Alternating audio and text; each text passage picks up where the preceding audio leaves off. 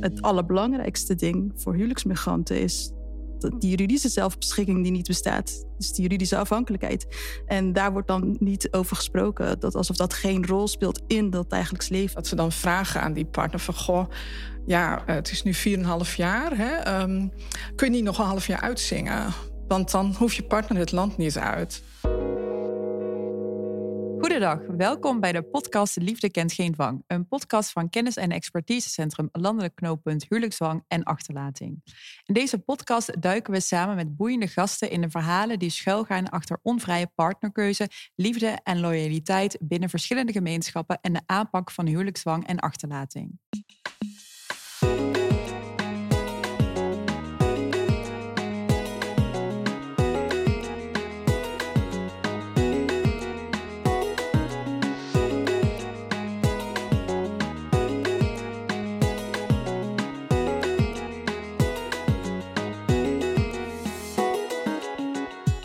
Vandaag zijn onze gasten Fatima Bella en Betty de Hart. Fatima is van het platform Zelfbeschikking en Verblijfsrecht. En Betty is hoogleraar transnationale gezinnen en migratierecht bij de VU. Beide zijn expert op het gebied van partnerafhankelijk verblijf. In deze aflevering staat onder meer de relatie tussen partnerafhankelijk verblijf en achterlating centraal. Het platform Zelfbeschikking en Verblijfsrecht heeft onderzoek laten doen naar de betekenis van het verblijfsrecht in het leven van huwelijksmigranten. Vooral vrouwen die als huwelijksmigrant naar Nederland komen zijn kwetsbaar voor verschillende vormen van partnergeweld. Deze vrouwen zijn gedurende vijf jaar afhankelijk van hun partner voor het verblijfsrecht. En pas daarna kunnen zij zelfstandig verblijfsrecht aanvragen. Wordt die relatie binnen vijf jaar verbroken, dan verliezen deze vrouwen hun verblijfsrecht. En gedurende de periode van afhankelijk verblijf zijn zij extra kwetsbaar voor huwelijksgeweld, waaronder achterlating. Vandaag gaan we met Fatima en Betty in gesprek over afhankelijk verblijfsrecht en de gevolgen voor de relatie tussen partners en voor de huwelijksmigrant zelf. Ook bespreken we de extra risico's op huiselijk geweld, zoals achterlating en de gevolgen van het mogelijk verbreken van de relatie. En uiteraard vandaag ook aanwezig onze vaste tafeldame Dini Vlierman, manager bij het landelijk knooppunt Huwelijksdwang en Achterlating. Fijn dat je er ook weer bent en welkom allemaal. Dankjewel. Mooi. Fatima, ik wil graag uh, met jou beginnen, want voor de luisteraars, uh, niet iedereen zal er bekend mee zijn. Dus voordat we de diepte ingaan, laten we eens beginnen met de term partnerafhankelijk verblijfsrecht. Kun jij misschien aan ons uitleggen wat dat betekent? Ja, ik vond dat je het eigenlijk heel goed had gedaan. nou, dankjewel. Het is in principe uh, op het moment dat iemand een relatie heeft met, met iemand uit Nederland en naar Nederland komt voor die relatie. Dus dat je naar Nederland migreert voor de relatie, krijg je bij aankomst een, een verblijfsrecht dat afhankelijk is van die relatie met die specifieke partner. Dat, dat is het afhankelijk verblijfsrecht. Uh, uh, in deze podcast, podcast hebben we dat alleen maar over afhankelijk verblijf bij de partner. Je hebt ook afhankelijk verblijfsrecht uh, voor kinderen van hun ouders of ouders van hun kinderen. Maar daar oh hebben we het even niet over. Dus voordat er uh, verwarring wordt. Uh, ja, dus het is altijd zo als je zeg maar hier komt voor de relatie dat dat zo is. Als je niet Nederlander bent, dus als je buitenlander bent en je komt naar Nederland voor die relatie, krijg je een afhankelijk verblijfsvergunning. Uh, van die relatie inderdaad. Ja, en die duurt dus vijf jaar, zoals we net... Uh... Die uh, duurt verschillende... Je hebt verschillende termijnen eigenlijk. Dat ligt aan de nationaliteit die die partner in Nederland zelf heeft... en de nationaliteit van degene die naar Nederland komt.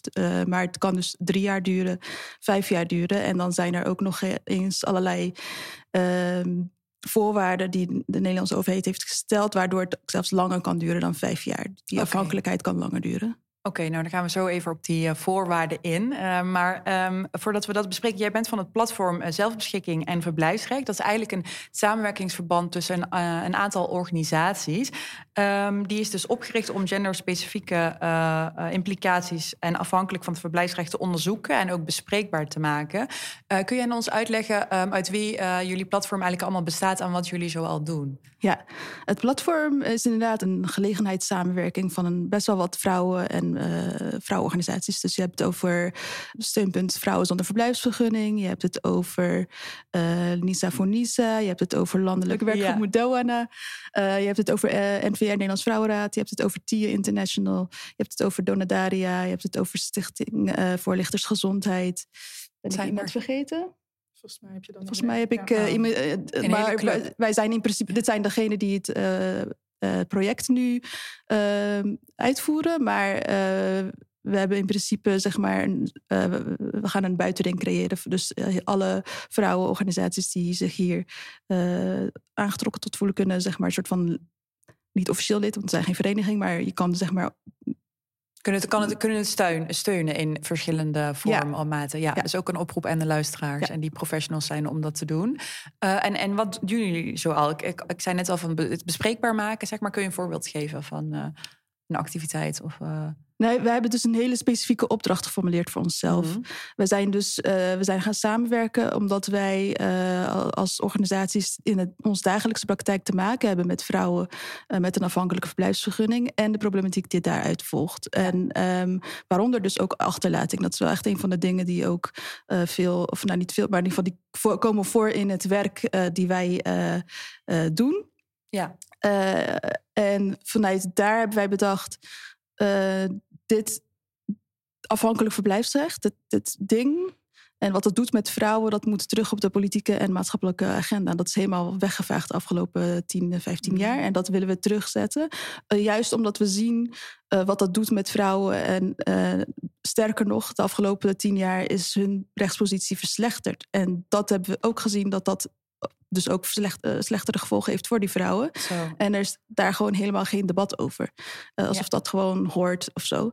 En uh, wij hebben bedacht, wij gaan met een specifiek project dit weer op de politieke agenda zetten. Ja, de krachten ehm, bundelen samen. Ja, precies. Dus we hebben bedacht dat we dan allereerst een onderzoek willen doen eigenlijk. We willen gewoon weten wat gebeurt er. Wat betekent dat afhankelijk verblijfsrecht? Mm. En vandaar dat we het onderzoek hebben laten uitvoeren door het VU, waar jullie vandaag eh, veel over gaan horen. En wat we dan daarnaast nog doen, is een voorlichtingsbijeenkomsten geven voor professionals, maar ook voor vrouwen zelf. Ja. En we gaan nu eigenlijk uh, met de informatie die we hebben gehaald uit het onderzoek en uit die bijeenkomsten uh, naar de derde fase van ons project. En dat is de eerste het onderzoek verspreiden en informatie verspreiden, materiaal verspreiden, maar ook uh, samen met de organisaties toewerken aan structurele verandering, verbetering van de rechtspositie van uh, vrouwen met een afhankelijke verblijfsvergunning. Ja, dus je hebt samen kracht gebundeld ingezoomd en daar gaan jullie naar buiten toe met die informatie om het uh, op te. Mooi, mooi, heel mooi. Dankjewel voor hoe je het toelicht. Heel helder en duidelijk. ja, Betty, jij bent hoogleraar transnationale gezinnen en migratierecht in de VU en jij hebt dus het onderzoek uitgevoerd, wat een van de dingen waren die vanuit het platform beoogd werd om te doen. En dat onderzoek heet um, Heb geduld. En de betekenis van het afhankelijk verblijfsrecht in het dagelijks leven van huwelijksmigranten en hun partners. Dat is de titel van het onderzoek. Um, kun jij in grote lijnen vertellen wat dit onderzoek behelst en wat de reden was um, om, om dit te gaan doen? Maar misschien eerst iets over de titel. Hoe, heb je die, uh, hoe kwam je daarbij? Heb geduld. Ja, uh, ja uh, ten eerste wil ik zeggen dat ik niet in mijn eentje heb uitgevoerd, maar samen met twee collega's, uh, Yunus Araboui en uh, Even Wij. Um, Belangrijk om te vernoemen, ja, inderdaad. Um, ja, waarom de titel Heb Geduld in een van de, volgens mij in de focusgroep uh, die wij op een gegeven moment hadden in het zuiden van het land. Uh, met een aantal organisaties die uh, hiermee te maken hebben. Uh, noemde iemand die term heb geduld. Dat dat de boodschap was eigenlijk aan huwelijksmigranten. En dat heb ik toen meteen opgeschreven en onderstreept. Zo van dat wordt de titel oh ja. van, van het rapport. Want dat is in feite de boodschap die huwelijksmigranten krijgen, die ze voelen. Uh, maar ook letterlijk soms te horen krijgen. Uh, dus uh, het komt voor dat mensen zich wensen, wenden tot de hulpverlening of tot een advocaat. En dan bijvoorbeeld na drie jaar, als de huwelijk heel slecht loopt, als de relatie slecht loopt. Mm. En dan zeggen: Ja, sorry, maar we kunnen eigenlijk op dit moment niks voor je doen. Want als je nu bij je partner weggaat, dan verlies je je verblijfsrecht. Dus heb geduld. Dat wordt echt door professionals ja, gezegd. Uitzitten wordt die, is de term die daarvoor wel wordt gebruikt. Uh, uitzitten. Je moet eerst de vijf jaar uitzitten, uh, want anders verlies je je verblijfsrecht. Um, er is een uitzondering voor huiselijk geweld. Hè. Uh, dan kan ook bij verbreking binnen vijf jaar een verblijfsrecht worden verkregen. Ja. Maar een van onze bevindingen van ons onderzoek is, als je naar de cijfers krijgt, dat dat maar heel uitzonderlijk voorkomt eigenlijk. Er worden zo'n 180 aanvragen per jaar gedaan. Uh, van de meeste wel worden toegekend, maar 180 is op zeg maar jaarlijks. 180 om het te ontbinden, bedoel je de huwelijk? Nee, 180 of, aanvragen om uh, een afhankelijk verblijf of een, op een zelfstandig verblijf Ja, gebaseerd op huiselijk geweld. Oh ja, ja zo. Ja. Eh, en dus dat wil zeggen dat het nog naar- vaker voorkomt waarschijnlijk. Ja, er zijn ja. zo'n 12.000 huwelijksmigranten die Nederland binnenkomen per jaar. Als je uitgaat van een echtscheidingspercentage zeg maar 30% ongeveer in Nederland. ehm, en huiselijk geweld waarvan we weten dat dat heel veel voorkomt. Ja. Hè, dan is het toch wel opmerkelijk weinig. Eh, Ja. ehm, nou blijkt het dat ook mensen op andere manieren eh, toch hun verblijf soms weten te garanderen. En dat de Ja. toegang tot een zelfstandig verblijfsrecht heel erg bepaald wordt door nationaliteit, gender en sociaal-economische achtergrond. Kun je daar iets over toelichten? Hoe dat dan precies zit? Ja, er zijn een eh, aantal. Als de partner een Nederlander is, Mhm. eh, dan is het na drie jaar onmogelijk om te naturaliseren. Dus een heel aantal mensen doet dat. eh, wel voorwaar dat je inburgert. dus dat moet je dan wel voor elkaar krijgen.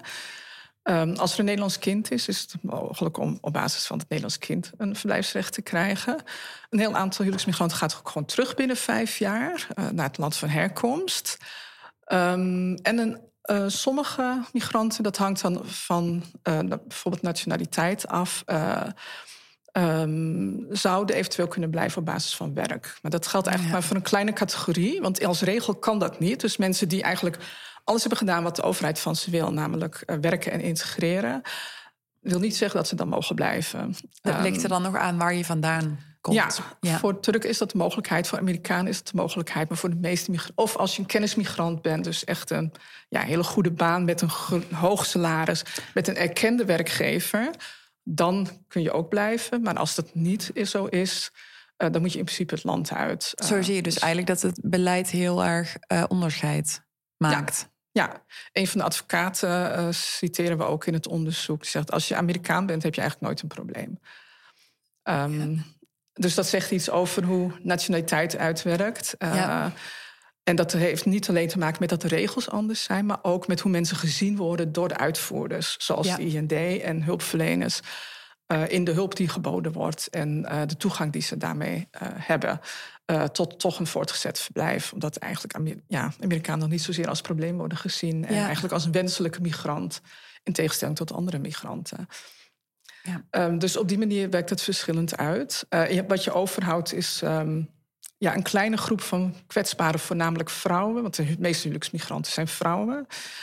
Ehm, Ja, wat kunnen we daarover zeggen? Waar- waarom is dat zo? Is dat eh, duidelijk geworden of is dat een... eh, Wat bedoel je? waarom dat meestal vrouwen zijn, zeg maar. Ja, dat, dat is gewoon ja. eigenlijk een altijd al bestaand patroon. Ja, ja. Het is heel erg gendered. Ja, vrouwen volgen de man en niet omgekeerd. Ja, Ja, ja, dat is ja, nog zo steeds komt- zo. ja, dat is ja. niet alleen voor Nederland, maar dat geldt ook voor andere landen. Ja. Dus dat is een vrij globaal patroon volgens mij. ja, Eh, dus daarom zijn de meeste huwelijksmigranten vrouw. ja. Ehm,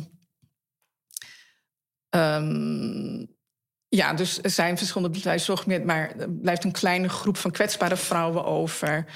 ehm, die eigenlijk dan die toegang tot een eh, zelfstandig verblijfsrecht nodig hebben. Waarvoor het ook maar moeilijk toegankelijk is. Ja. En dat blijkt uit dat laag aantal aanvragen, denken we. Maar ook de weg om daar naartoe te komen is, is lang en moeilijk en vol hindernissen. ja. En de passende hulp is al... eh, ja. Nou, er zitten, er zijn een aantal problemen in de uitvoering. Op zich is het natuurlijk heel goed dat er zo'n uitzondering is voor huiselijk geweld. Hè? Ehm, ehm, en het beleid is ook echt gericht op. Ja, ehm, daar is de IND ook echt druk mee om te zorgen dat het gendersensitief is, zeg maar. Om te Mhm. proberen dat vrouwen niet benadeeld worden. Ehm, maar wat je ziet is een aantal problemen. Eh, ten eerste is de definitie van huiselijk geweld. Eh, volgens internationale verdragen en ook het beleid van Nederland zelf zou dat een brede definitie moeten zijn, die niet alleen gaat over lichamelijk geweld, maar ook over psychologisch, seksueel en economisch geweld. In praktijk zie je dat het alleen over lichamelijk geweld gaat als mensen in slagen om een verblijfsrecht op die grond te verwerven. Dus je moet het Ook echt de- kunnen bewijzen, zeg maar. Met nou, dat is een tweede probleem. Dit ja. gaat alleen nog over de definitie. Oh ja, en ja. het tweede is, probleem is inderdaad, hoe wijs je het? Wat is de Mhm. bewijslast? Eh, ten eerste wordt er aangifte gevraagd.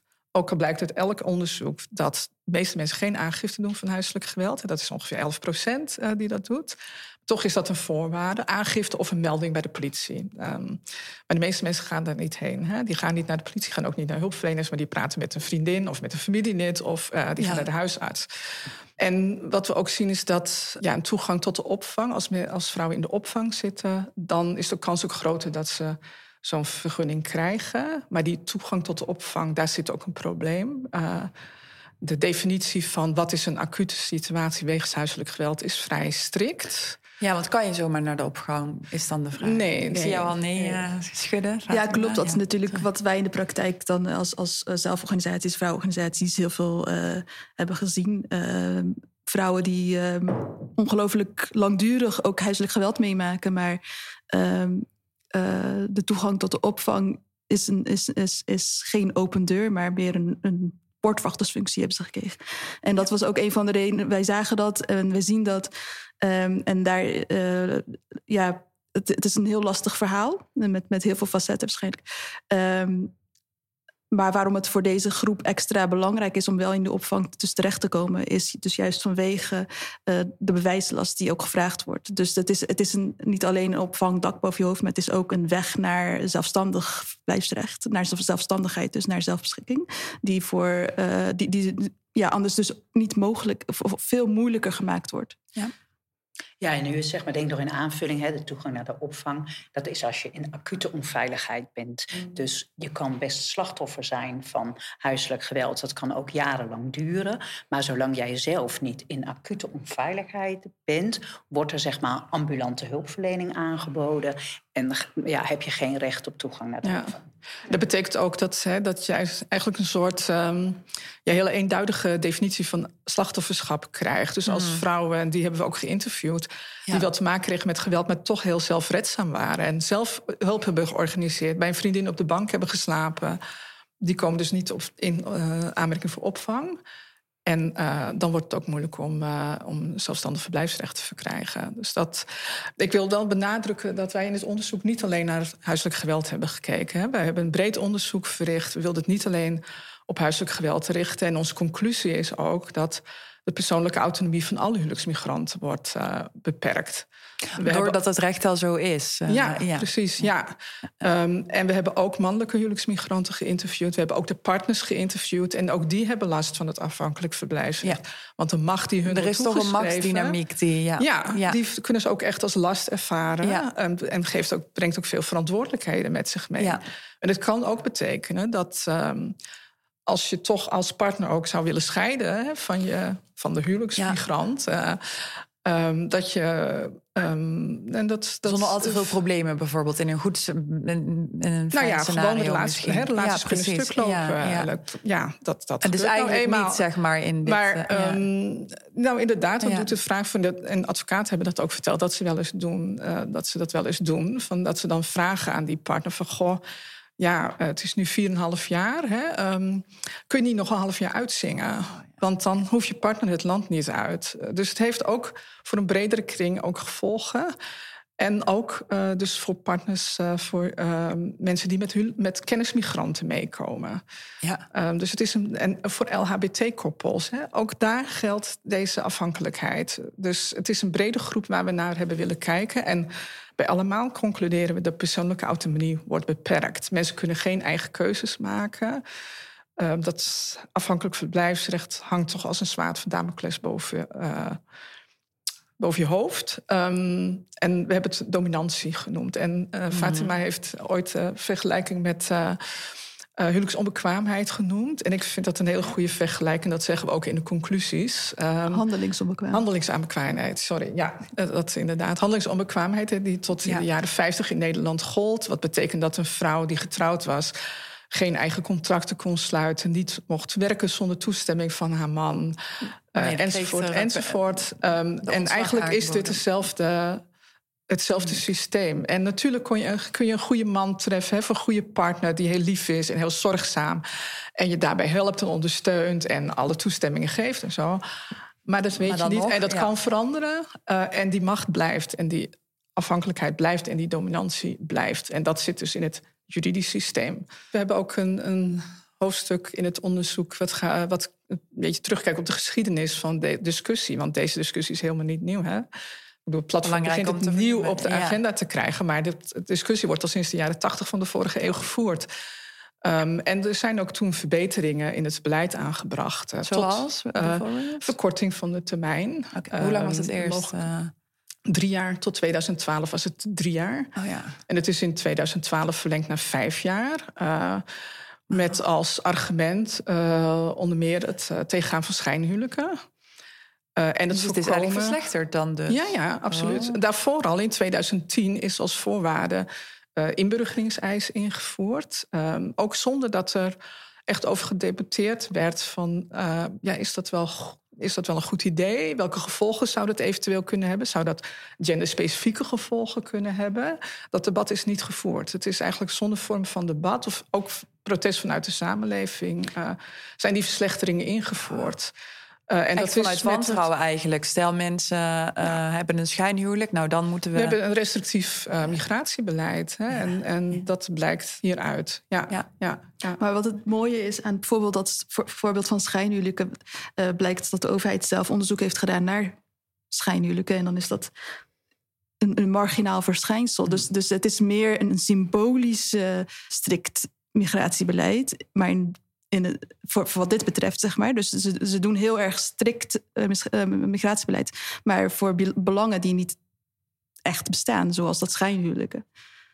Ja, daar wordt dan ja, gezegd als dit is een van de redenen waarom het zou moeten zijn, dan om het heel strikt ja, strenger te maken, het migratiebeleid. Ja, maar het doel is zeg maar uh, meer een zelf, zelf-image te hebben van strikt migratiebeleid, dan dat het ook echt daadwerkelijk ergens toe leidt. Ja, ja, het houdt het helemaal niet tegen of er nou wel of niet een schijnhuwelijk is. Het maakt het juist slechter. Dat, dat is een gevolg. ja.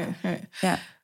Nou ja, waar platform altijd op wijst, hè, is de discrepantie tussen beleid wat gericht is op emancipatie op andere beleidsterreinen en het migratiebeleid. Ja, precies. Dat is natuurlijk ook een van de redenen van het platform om Precies. dit project te beginnen. Ons naam is Platform Zelfbeschikking en Verblijfsrecht. En nu heeft het, uh, de overheid echt uh, deze maand die, uh, is gekomen met een nieuw plan voor zelfbeschikking voor specifiek, specifiek deze groepen mensen, waaronder dus ook huwelijksmigranten.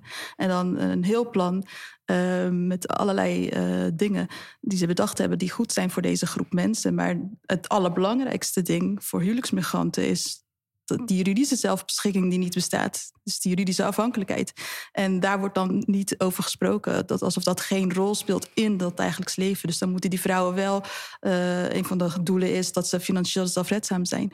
En dan denk je van ja, maar je kan wel financieel zelfredzaam zijn als, als huwelijksmigrant. Maar in de eerste jaren van je huwelijk uh, maakt dat eigenlijk niet uit. Je bent, blijft gewoon juridisch afhankelijk. Dus je kan, je kan er niet uit werken of zo. Ja, en dat die afhankelijkheid, dat is natuurlijk heel erg ingrijpend in iemands persoonlijk leven. Ja, precies. Maar dus zeg maar alle andere afhankelijkheden. Als je kijkt naar de definitie van huiselijk geweld bij uh, van, volgens overheid.nl, dan gaat het ook inderdaad steeds over afhankelijkheid. Hè? Dus die, en die moet je dan een beetje kleiner maken, uh, zodat uh, dat. dat mm -hmm. Maar juridische afhankelijkheid is de, de, de belangrijkste vorm van afhankelijkheid. Ja, Dat je daar zelf niets aan kan doen als vrouw. Ja, ja. Je kan leren Nederlands praten, je kan werken, je kan maar. Ja. Uh, nou, wat ik, wat ik net vertelde, dus als een huwelijksmigrant. Uh, dus we hebben ook een voorbeeld van een mannelijke huwelijksmigrant die. Uh, een hele goede baan had. Die, was, die kwam uit Latijns-Amerika, kwam hier bij zijn Nederlandse vriendin wonen, had een hele goede baan. Um, zijn vriendin zette hem op een gegeven moment op straat, um, letterlijk. Ik vond, uh, kwam, kwam s'avonds thuis en er stond zijn tas bij de deur. En uh, dat was het. Um, met zijn baan, ook al had hij een goed salaris en een, goede, en een werkgever die hem echt heel graag wilde houden, was dat niet voldoende om een zelfstandig verblijfsrecht te krijgen. Dus Um, uiteindelijk was de enige manier, hij kreeg een nieuwe relatie in de procedure die het allemaal duurde, was de enige manier uiteindelijk uh, een nieuwe relatie. Met die nieuwe relatie ook weer een afhankelijk verblijfsrecht aanvragen. Wat hij heel erg vond, dat wilde hij eigenlijk nooit meer. Maar dat was de enige manier om in Nederland te kunnen blijven. Ook al stonden de werkgevers eigenlijk te springen om hem. Uh, dus dat laat ook zien dat ook die zelfredzaamheid uh, niet verder helpt. Um, en we hebben het nu over vijf jaar, maar die afhankelijkheid kan ook nog veel langer duren. Uh, dus, uh, want mensen zijn zich niet altijd bewust van, van het, hoe het recht in elkaar zit. Hè? Ja. En van hoe dat, wat dat betekent, dat afhankelijk verblijfsrecht. Nee, dat je na vijf jaar uh... een zelfstandige vergunning kan aanvragen oh, of een permanent verblijfsrecht. Dat zijn mensen zich niet altijd van bewust. Volgens mij worden ze daar ook niet goed over geïnformeerd door de IND. Denk ik, vind ik. Um, uh, dus soms komen mensen pas na negen jaar huwelijk bijvoorbeeld erachter. Uh, of loopt het huwelijk na negen jaar stuk. Ik komen ze dan achter dat ze hun verblijfsrecht alsnog verliezen. Ook al zijn ze al veel langer in Nederland. Ja, dus omdat ze niet een. We spreken over vijf jaar, maar het kan, echt nog, het kan echt nog veel langer zijn. Ja. Heftig. En Dini, herken jij de verhalen van, van Fatima en Betty? Ik zie jou ook meer knikken. En, uh, en ja, hoe staat dat in relatie tussen uh, met het uh, landelijk knooppunt huwelijksdwang en achterlating? Dit, nou, veel van onze meldingen van volwassen vrouwen, al dan niet samen met kinderen, die zijn achtergelaten in het buitenland, um, zijn vrouwen met partnerafhankelijk verblijf.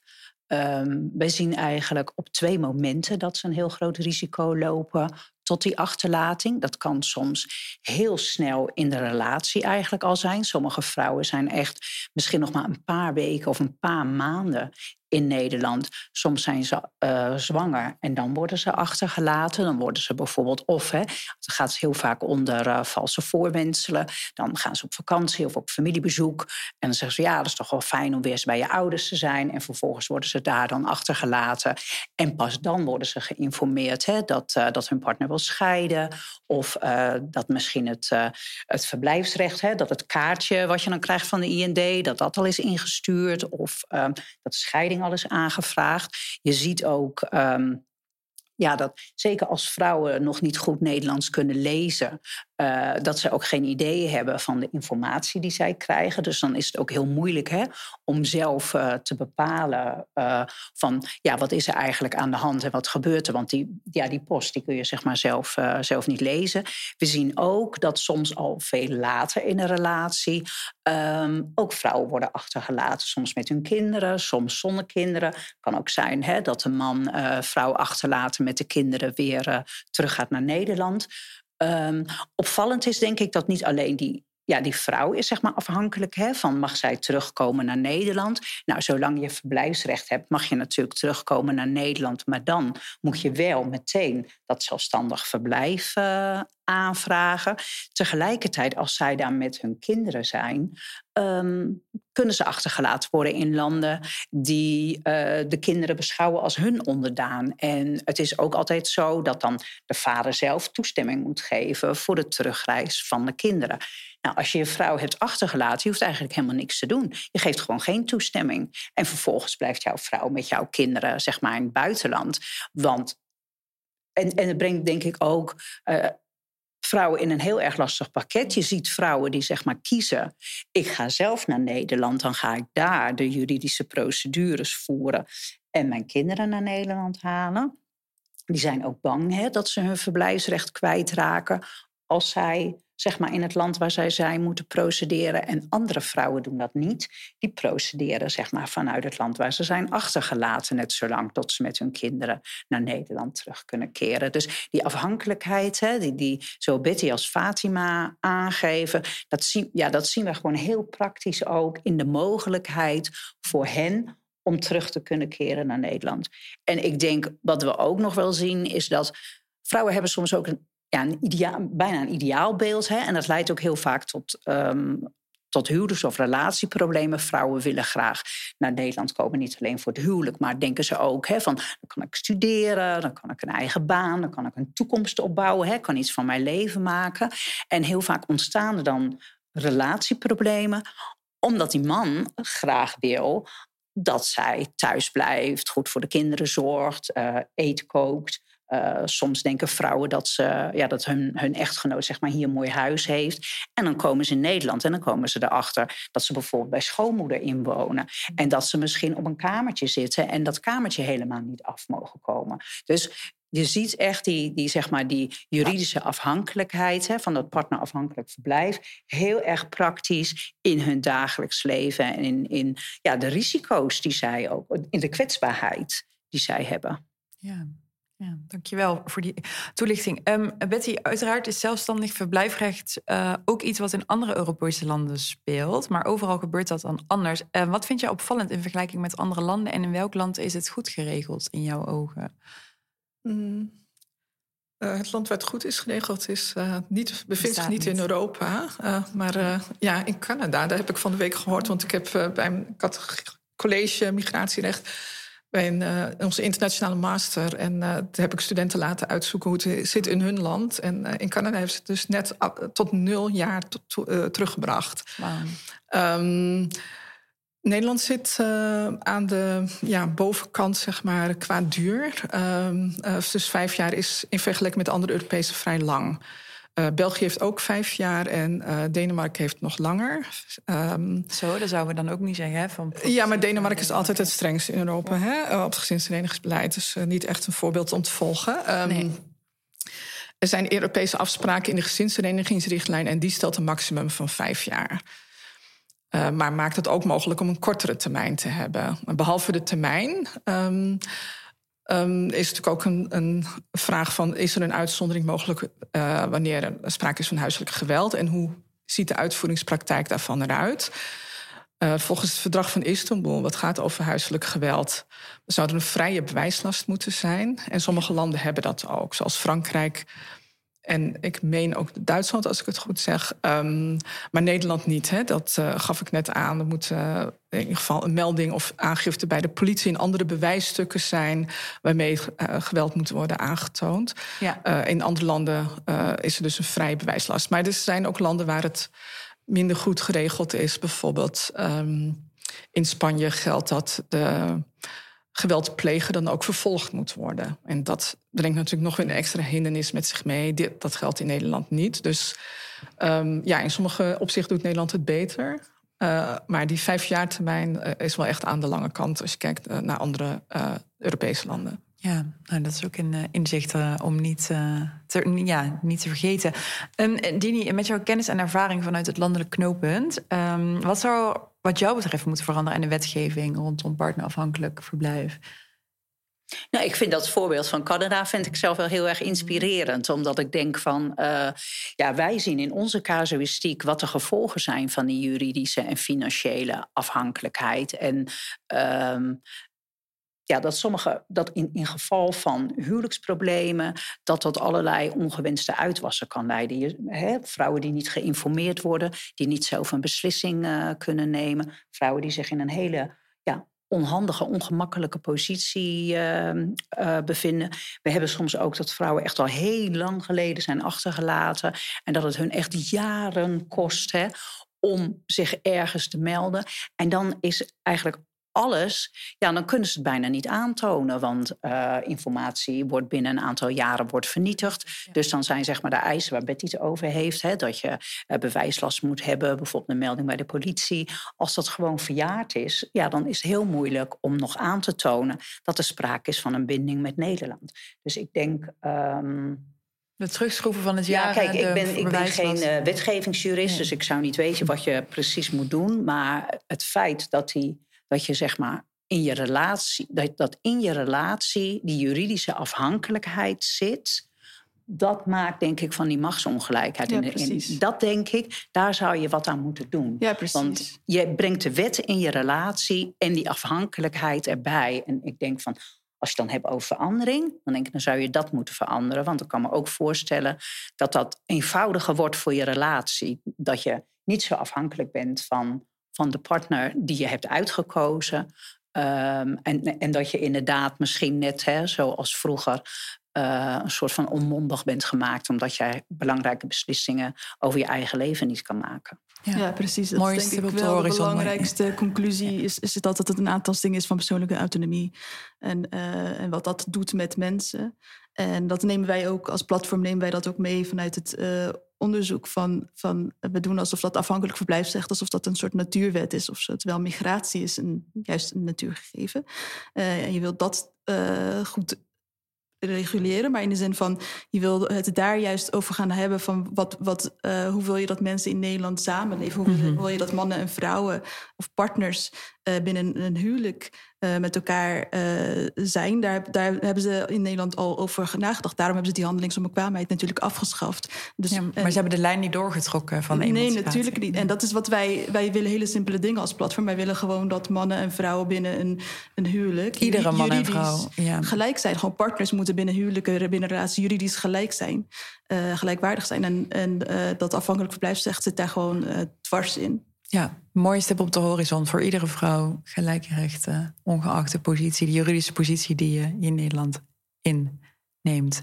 Dank jullie wel. Uh, het is uh, heel snel gegaan. Dankjewel Fatima, dankjewel Betty en ook dankjewel Dini natuurlijk. Um, ja, met uh, deze stip op de horizon sluiten we deze aflevering af. Wil je nou geen aflevering missen? Abonneer je dan op onze podcast Liefde kent geen dwang via je favoriete podcast app. En tot de volgende keer.